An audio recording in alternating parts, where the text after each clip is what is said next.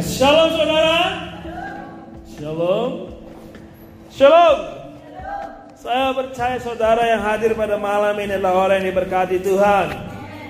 Oke, katakan pada sebelah kirinya, kita adalah orang yang diberkati Tuhan. Oke, kawan-kawan, semua katakan sebelah kirinya, kita adalah orang yang diberkati Tuhan. Oke, saudara waktu menyampaikan harus senyum. Senang. Oke. Seperti saudara baru mendapatkan surat cinta atau saudara mendapatkan satu hadiah. Again, katakan sebelah kiri saudara, kita adalah orang yang diberkati.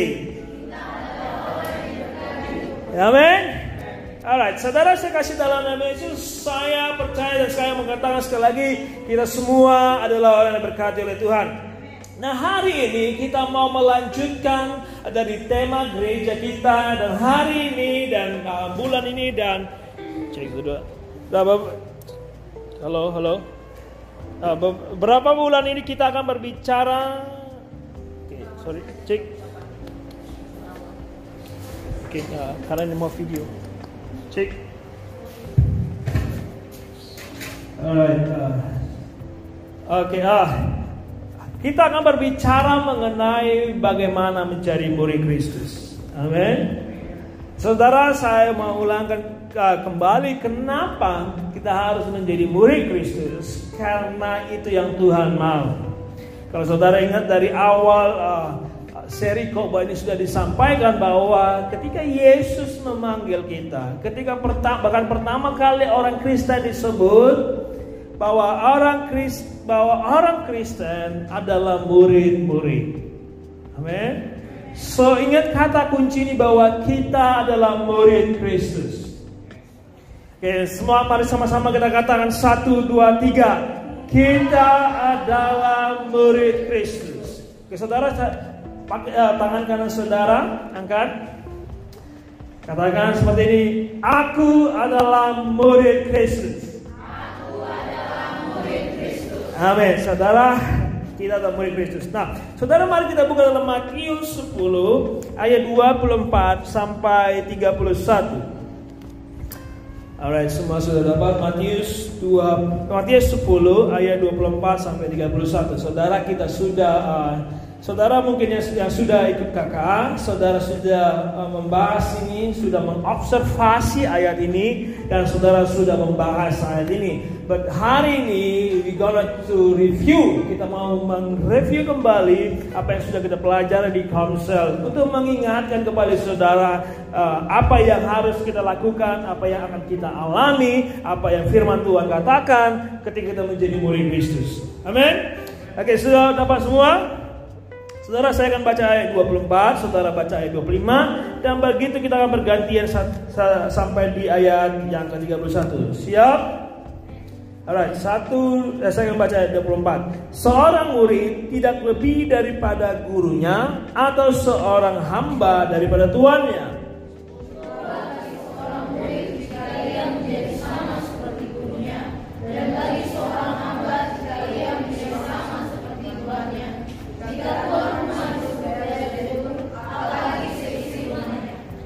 Jadi janganlah kamu takut terhadap mereka karena tidak ada sesuatu pun yang tertutup yang tidak akan dibuka dan tidak ada sesuatu pun yang tersembunyi yang tidak akan diketahui.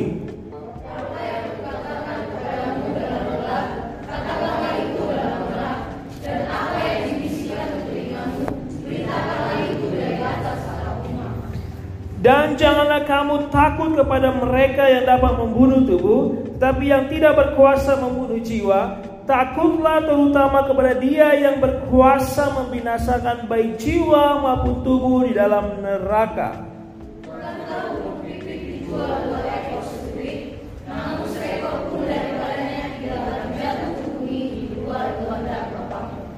Dan kamu rambut kepalamu tidak terhitung semua.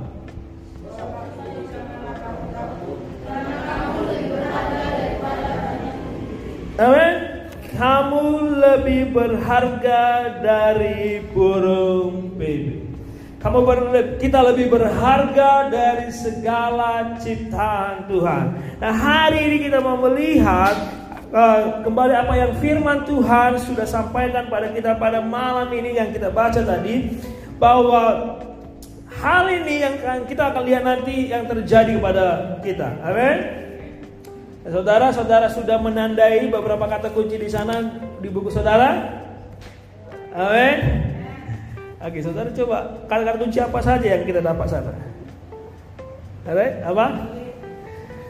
Oke, saudara murid dan takut. Oke, saudara coba cek kembali. Saudara bawa catatan enggak? Hah? Saudara sudah bawa catatan? Amin. Ingat saudara bahwa seorang murid harus belajar dan seorang pelajar harus bawa catatan. Amin. Nah hari ini kita mau melihat bahwa nah Firman Tuhan mengatakan pada uh, malam sore ini katakan bahwa seorang murid tidak lebih daripada gurunya atau seorang hamba daripada tuannya. Cukuplah bagi seorang murid jika ia menjadi sama seperti gurunya dan bagi seorang hamba jika ia menjadi sama seperti tuannya. Jika tuan rumah tersebut Belzebul apalagi isi rumahnya. Nah, saudara sekasih dalam nama Yesus. Nah, firman Tuhan menjelaskan kepada kita hari ini dan menegaskan kepada kita bahwa bahwa kita sebagai murid, nah apa yang terjadi pada kita tidak melebihi dari apa yang terjadi pada guru kita. Nah, supaya kita tahu semua bahwa guru kita, guru agung kita adalah Yesus. Siapa? Yesus Kristus.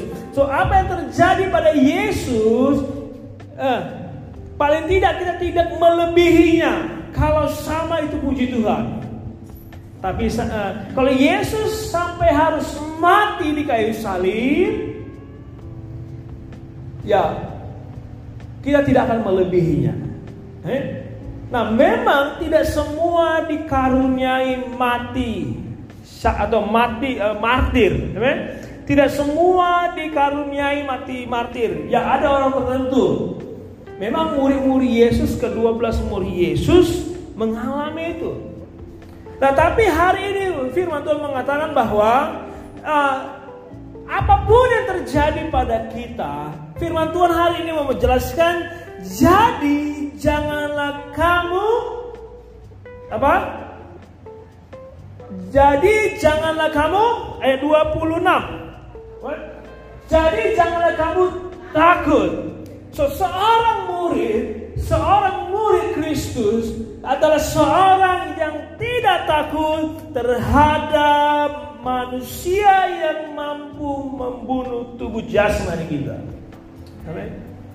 Nah, saudara kalau kita melihat dari ya, kalau saudara ikut dalam ibadah doa kemarin, nah saudara kalau saudara tidak hadir pastinya saudara juga mendengar kok bahasa saya saudara bisa cek kembali dalam YouTube channel saya dan uh, saya juga uh, sudah rilis di podcast saya di Spotify saudara bisa dengar nanti. Nah saya mau ingat kembali bahwa uh, kita ketika Tuhan Yesus mengajak kita menjadi muridnya Yesus sangat jelas di awal-awal dia mengatakan Uh, kalau mau menjadi muridku kita harus pikirkan dengan matang karena yang kita alami bukan bukan sesuatu yang uh, kalau jadi murid itu jadi anggota jadi klub anggota murid kita akan jadi keren.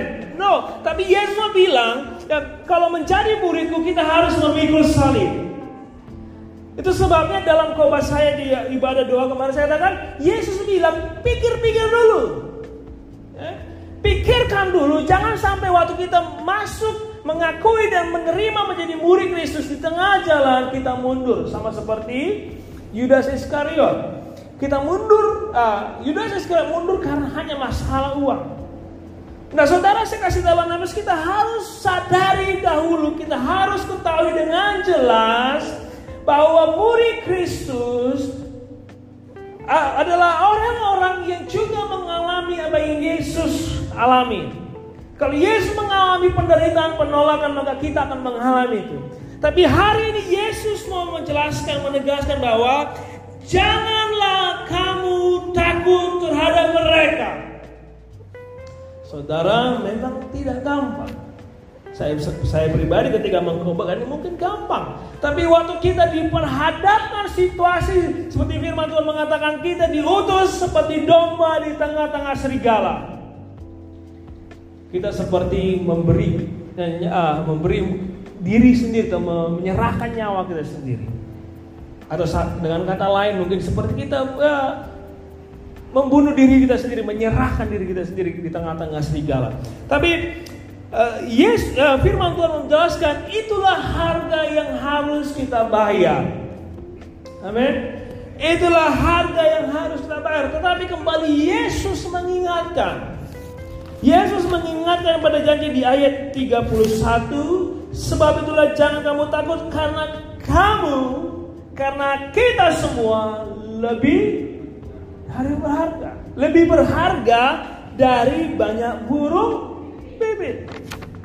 Kita semua ini kita jauh lebih berharga dari burung bibit, dari segala ciptaannya. Dan Yesus sudah buktikan dengan kematiannya di kayu salib. Amin.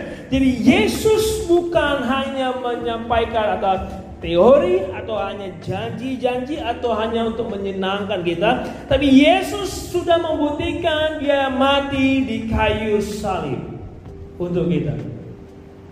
Itu saudara ketika menjadi murid Kristus Hari ini saya mau bicara kita jangan takut Amin Jangan takut Bahkan waktu kita diperhadapkan dengan penguasa-penguasa di ayat 20 juga Apa yang ku katakan kepadamu dalam gelap Katakanlah itu dalam terang Dan apa yang dibisikkan di ketelingamu Beritakanlah itu dari atas atap rumah. Nah, saudara ini menarik, saudara.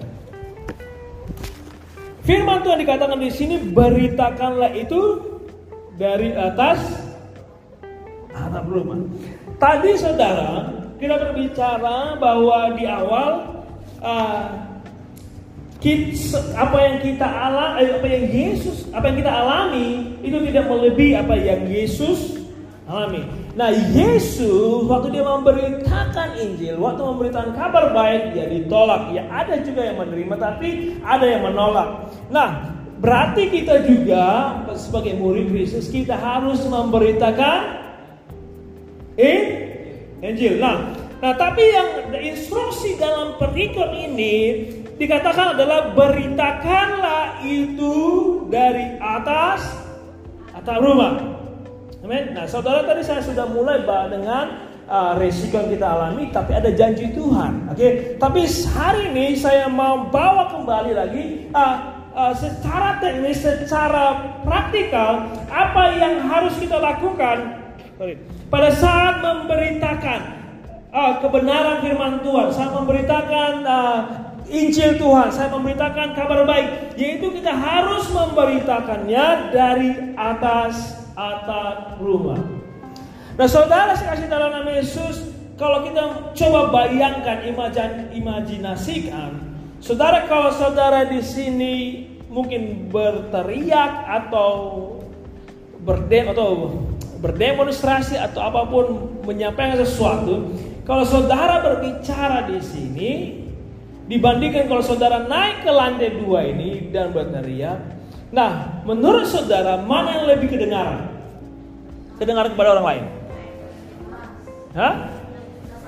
Yang satu. Karena kalau di sini kita dibatasi oleh tembok-tembok sehingga suara kita berhenti di sana. Tapi kalau di atas lebih terbuka bisa ke mana-mana. Nah, jadi kita harus kata rumah, maksudnya seperti ini, kita harus cari posisi yang paling tinggi di mana di posisi itu kita lebih didengar. Di mana di posisi itu apa yang kita sampaikan lebih banyak menjangkau orang. Amin. Lebih banyak menjangkau bukan hanya orang percaya tapi orang yang tidak percaya dan lebih uh, orang lebih banyak mendengar. Nah, itu yang harus kita lakukan. Oke? Okay? Jadi instruksi adalah beritakan di atas terubah. Saya mau baru sebelum saya masuk di lebih dalam lagi di ayat 27 ini, kita lihat dulu di ayat 28. Dan janganlah kamu takut kepada mereka yang dapat membunuh tubuh, tetapi yang tidak berkuasa membunuh jiwa. Takutlah terutama kepada dia yang berkuasa membina, sorry, membinasakan baik jiwa maupun tubuh dalam neraka. Nah, artinya gini, uh, kita harus uh, sebelum kita naik ke tempat paling tinggi, kita harus sadari bahwa setiap yang kita beritakan, bahwa setiap yang kita sampaikan adalah sesuatu yang bukan hanya menyelamatkan kita, tapi menyelamatkan banyak orang lain. Nah, sekarang saya masuk kembali di ayat 27. Nah, saudara, ah, bagaimana kita naik ke di atas atap rumah itu? Nah, saudara, dalam konteks pada saat Yesus menyampaikan, ya, ah, Itulah posisi yang paling gampang untuk menyampaikan firman. Pos, atau posisi cara yang lebih menjangkau banyak orang lain. Nah, kalau kita melihat di ayat sebelumnya waktu Yesus memberitakan Injil uh, di danau, Yesus memakai perahunya si Petrus untuk agak sedikit uh, ke danau. Karena waktu Yesus di sana ada orang banyak datang ramai mengurumuni Yesus sampai mendesak Yesus hampir di ujung pantai. Dan cara terbaik Yesus adalah supaya semakin banyak orang. Dia harus memundurkan dirinya sehingga suaranya bisa sampai lebih besar, lebih eh, lebih luas lagi. Nah, artinya Yesus menyampaikan bahwa sangat penting suara Injil, pemberitaan Injil, kabar baik diberitakan lebih luas. Amin. Penting, artinya sangat penting. Nah, hari ini kita mau belajar apa yang kita miliki pada saat ini yang mampu menjangkau lebih banyak orang lain. Ada yang tahu? Ada? Ada? Ya, media sosial. Nah, saudara tadi kami baru take video untuk channel YouTube kami. Nah, kami bahas bahwa tadi uh, tadi uh, uh, uh, Yusuf uh, sharing bahwa dulu dia punya channel YouTube uh, uh, apa komedi ya, komedi dan prank dengan subscriber yang sudah lumayan 600 Tapi ketika dia rubah menjadi konten-konten rohani, ya viewsnya semakin sedikit, subscribernya ada yang berkurang. Itu resikonya. Tapi waktu Tuhan pakai YouTube channel untuk menyampaikan kabar baik, nah resiko yang walaupun dimiliki tapi tapi yang dilakukan menjangkau lebih banyak orang lain. Amin. Kalau saya berkhotbah, kalau di ibadah pagi kita paling ada berapa orang? 100 orang, right? 100 orang. Ini uh, 50 orang. Nah, dengan artinya dengan melalui sosial media, saat apa yang kita sampaikan itu bahkan bisa menyam sampai pada ribuan orang. Kalau dari segi pendengar mungkin Yusuf lebih banyak dari saya. Ya subscriber 600, saya berkhotbah hanya di hadapan 100 orang. Dia double. Eh? Sesaudara juga berapa teman saudara di Facebook saudara? Ada yang seribu? Ada yang seribu temannya? Lebih dari, lebih dari seribu ada? Lebih dari seribu teman di Facebook ada? Saudara nggak tahu berapa jumlah teman saudara di Facebook? You never check? Coba cek hari ini saudara, coba cek uh, Facebook saudara sudah berapa uh, friend saudara. Maksud saya adalah uh, jumlah teman saudara adalah jumlah orang yang berpotensi mendengar kabar baik. Ya mungkin ada sebagian besar adalah orang Kristen, tapi paling tidak saudara punya orang-orang di luar Kristen. Amin. Tapi saudara coba, uh, artinya Atap di rumah itu adalah tempat di mana kita memberitakan Injil, kita bisa menggunakan sosial media kita untuk menjadi tempat kita memberitakan kabar baik. Eh? Saudara waktu kalau kita ke bahasanya pertama waktu Yesus memanggil murid-muridnya, firman Tuhan mengatakan mereka sedang menjala ikan. So ya yeah, they know how to menjala ikan ya. Dia tak mereka tahu cara menjala ikan. So Yesus makanya Yesus bilang ikut laku jadilah penjala penjala jiwa. So, saudara mungkin sebelum saudara dipanggil Yesus, saudara mungkin memakai sosial media untuk uh, menunjukkan saudara makan di mana, pergi di mana, sedang sama siapa, sedang memikirkan apa. Karena kalau kita buka Facebook kan apa yang anda pikirkan.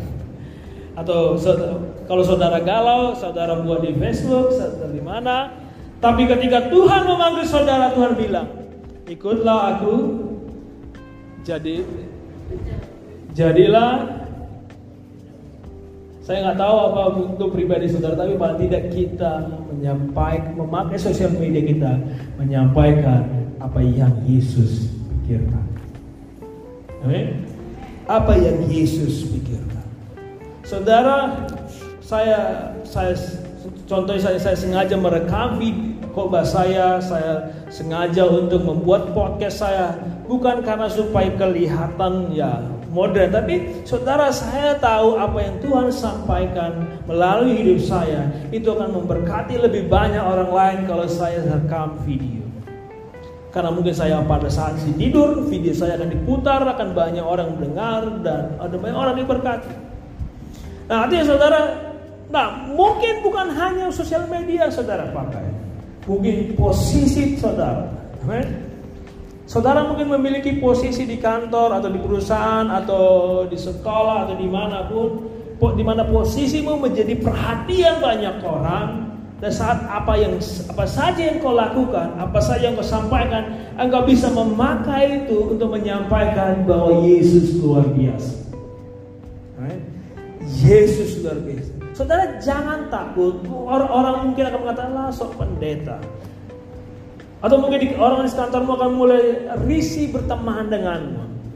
Jangan takut karena apa yang kau alami tidak akan melebihi apa yang Yesus alami. Kalau Yesus ditolak, kita ditolak itu biasa. Itu menandakan kita murid Kristus. Oke, okay?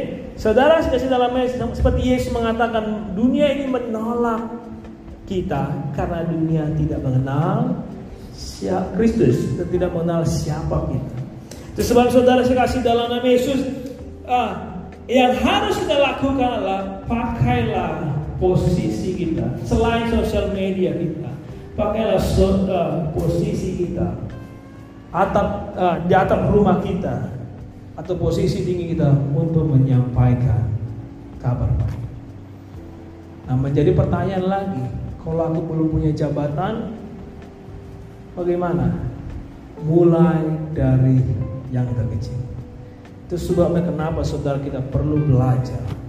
Saudara perlu belajar, saudara perlu kerja keras, saudara perlu meningkatkan kapasitas karena semakin kita naik kapasitasnya, semakin naik jabatan kita, semakin kita menjadi pegawai yang terbaik di perusahaan kita, maka nama Tuhan dipermuliakan. Maka nama Tuhan dipermuliakan di tengah-tengah keberhasilan kita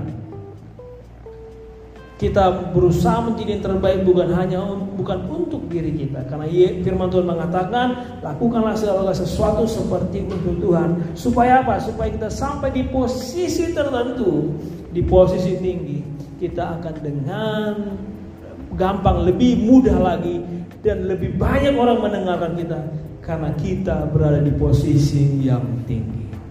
Amin. Terus kembangkan kapasitasmu. Kalau saudara ya yang saudara eh, mengembangkan karir di dunia untuk kembangkan. Jangan hanya uh, bagaimana supaya mendapat uh, artinya views yang lebih banyak bagaimana algoritma saudara juga yang mungkin di bidang lain di pekerjaan. Cari tahu bagaimana menjadi pegawai yang terbaik. Apa yang disukai apa apa yang uh, apa yang terbaik di bidang usaha yang saudara sedang kerjakan. Bagaimana caranya? Cari belajar. Amin Jangan hanya menunggu. Tunggulah nanti kalau ya ada berkat, ya puji Tuhan. Saudara sekarang informasi sangat gampang. Saya sering katakan bahwa saudara bisa ke YouTube bagaimana cara melak, uh, cari tutorial bagi apa pun. Saudara bisa temukan di sana, belajar. Dan kalau saudara temukan, belajar. Saudara harus di, uh, orang yang diberkati untuk member Nanti kalau saudara sudah diberkati dengan ilmu itu, saudara coba bagikan juga kepada orang lain. Saudara bisa gunakan sosial media, saudara bisa uh, apa pun. Saudara harus belajar menjadi berkat. Amin. Nah, saudara katakan, saya kembali kepada eh, di awal tadi risiko. Dengan kita naik ke atas memberitakan kabar baik dari Injil, risiko yang kita hadapi tidak melebihi yang Yesus alami. Amin. Waktu kita berusaha menjadi solusi di mana pun, Waktu kita menjadi belajar, menjadi berkat di mana pun, maka Tuhan akan menjadi pembela kita. Tuhan akan menolong kita. Tuhan yang akan menjamin hidup kita. Karena kita lebih dari burung pipit di udara. Amin. Saudara, saya tidak tahu bagaimana Tuhan berbicara kepada hati saudara pada malam ini, bagaimana Tuhan eh, Roh Kudus menerjemahkan firman dalam dalam hati saudara pada saya. Tapi saya tahu Tuhan sedang berbicara kepadamu dan menyuruh engkau untuk melakukan sesuatu yang engkau bisa lakukan saat ini juga, yang engkau mengerti apa yang harus engkau lakukan. Amin. Saudara sekasih dalam Yesus itu sebab saudara bukan hanya kita jangan takut kepada manusia, tapi kita harus ber, maksudnya bukan takut kepada manusia yang bisa membunuh kita atau takut dengan resiko yang kita hadapi memberitakan Injil, tapi kita harus tahu kita harus naik ke atap rumah. Kita harus meningkatkan kapasitas kita. Amin.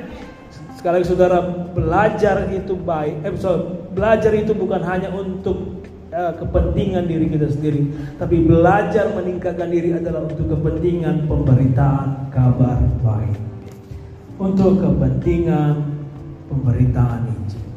Saudara, kalau saudara menjadi orang nomor satu di bidang saudara, orang akan lebih mendengar saudara, akan lebih banyak orang mendengar, dan pakai segala sesuatu untuk mempermuliakan nama Tuhan Yesus. Saya doa makin berdiri saudara. Dan satu hal yang saya mau dorong juga saudara, uh, setiap uh, setiap konten-konten dalam uh, YouTube saya atau Instagram saya, saya dorong saudara dan ya bisa untuk mereset kembali atau merepost kembali supaya lebih banyak orang diberkati. Atau mungkin saudara punya uh, ada sesuatu yang Tuhan taruh dalam hati saudara, coba sampaikan itu. Pergunakan sosial media saudara. Karena itu akan lebih banyak memberkati orang lain. Kita tidak tahu siapa yang akan diberkati, tapi pasti ada yang berkati. Waktu saya bertemu dengan teman uh, teman lama saya, teman uh, waktu sama-sama waktu masih ya hidup dalam keadaan hidup dalam tidak baik. Waktu saya ketemu ada satu kesaksian yang saya memberkati saya dan mendorong saya untuk terus membuat konten-konten yang eh, rohani dalam Facebook dan YouTube. Dia ternyata dia selalu mengikuti khotbah saya melalui Facebook saya dan berkata dia sangat diberkati. Saya tidak sadar tapi puji Tuhan ada orang diberkati. Saudara kasih dalam nama Yesus. Mungkin uh, engkau mengira apa yang kau sampaikan itu sederhana, tapi pasti akan memberkati pada orang lain. Amin. Saudara-saudara, paling tidak saudara mari kita sama sesama arti kita sama kita satu tim dalam gereja ini. Saya mendorong saudara setiap video yang saya uh, posting setiap uh, firman Tuhan baik melalui video, melalui podcast di Spotify, saudara bisa bantu share kepada orang lain supaya orang lain semakin banyak yang diberkati. Haleluya. Dan hari ini saya mengingatkan kembali saudara, cari atap rumah yang Tuhan sudah tetapkan dalam hidup saudara. Saudara tingkatkan kapasitas, tingkatkan kapasitas, karena Tuhan memakai kau naik Tuhan sudah memilih engkau. Tuhan sudah memilih engkau. Akan firman Tuhan katakan sebelum engkau lahir Tuhan sudah menetapkan engkau. Tuhan sudah menguduskan engkau. Saya mau bilang apa pun latar belakangmu, apa pun masalahmu, apa pun keadaanmu, Tuhan sudah memilih. Jangan excuse, jangan cari cari alasan. Yesus memanggilmu. Yesus sudah mati bagimu membuktikan Engkau lebih berharga dari segala. Amin, Jesus. Hallelujah, Jesus. Hallelujah. Dan malam ini saudara sekasih dalam nama Yesus. Benar akan ada resiko. Gak mungkin ditolak, gak mungkin dicaci maki. Tapi saya mau katakan pada malam ini itu tidak melebihi dari apa yang Yesus lakukan. Dan Yesus ada di sana jangan takut. Yang memberi kekuatan, yang menolong Firman Tuhan mengatakan, barang siapa yang bertahan sampai kesudahannya, dia akan selamat. Kalau saudara mau menghindar dari panggilan Tuhan, karena saudara takut ada masalah, saudara pun akan mengalami, masalah di luar Tuhan. Kita nggak ada pilihan saudara. Pilihan kita hanya satu meresponi panggilan Tuhan. Amin Jesus. Tuhan Yesus malam ini kami mengucap syukur buat firman-Mu. Kami mengucap syukur buat kebenaran firman-Mu Tuhan. Tuhan kami belajar untuk tidak takut terhadap resiko yang kami akan alami. Dan bukan hanya tidak takut Tuhan, kami mau belajar Tuhan meningkatkan kapasitas kami menjadi atap rumah di mana kami menyampaikan kebenaran firman Tuhan. Untuk menyampaikan apa yang Yesus mau.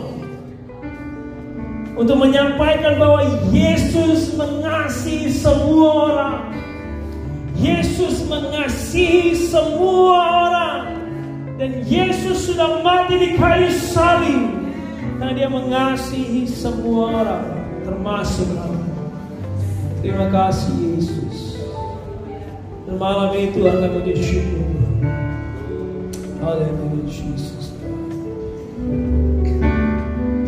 Jadikan aku Tuhan.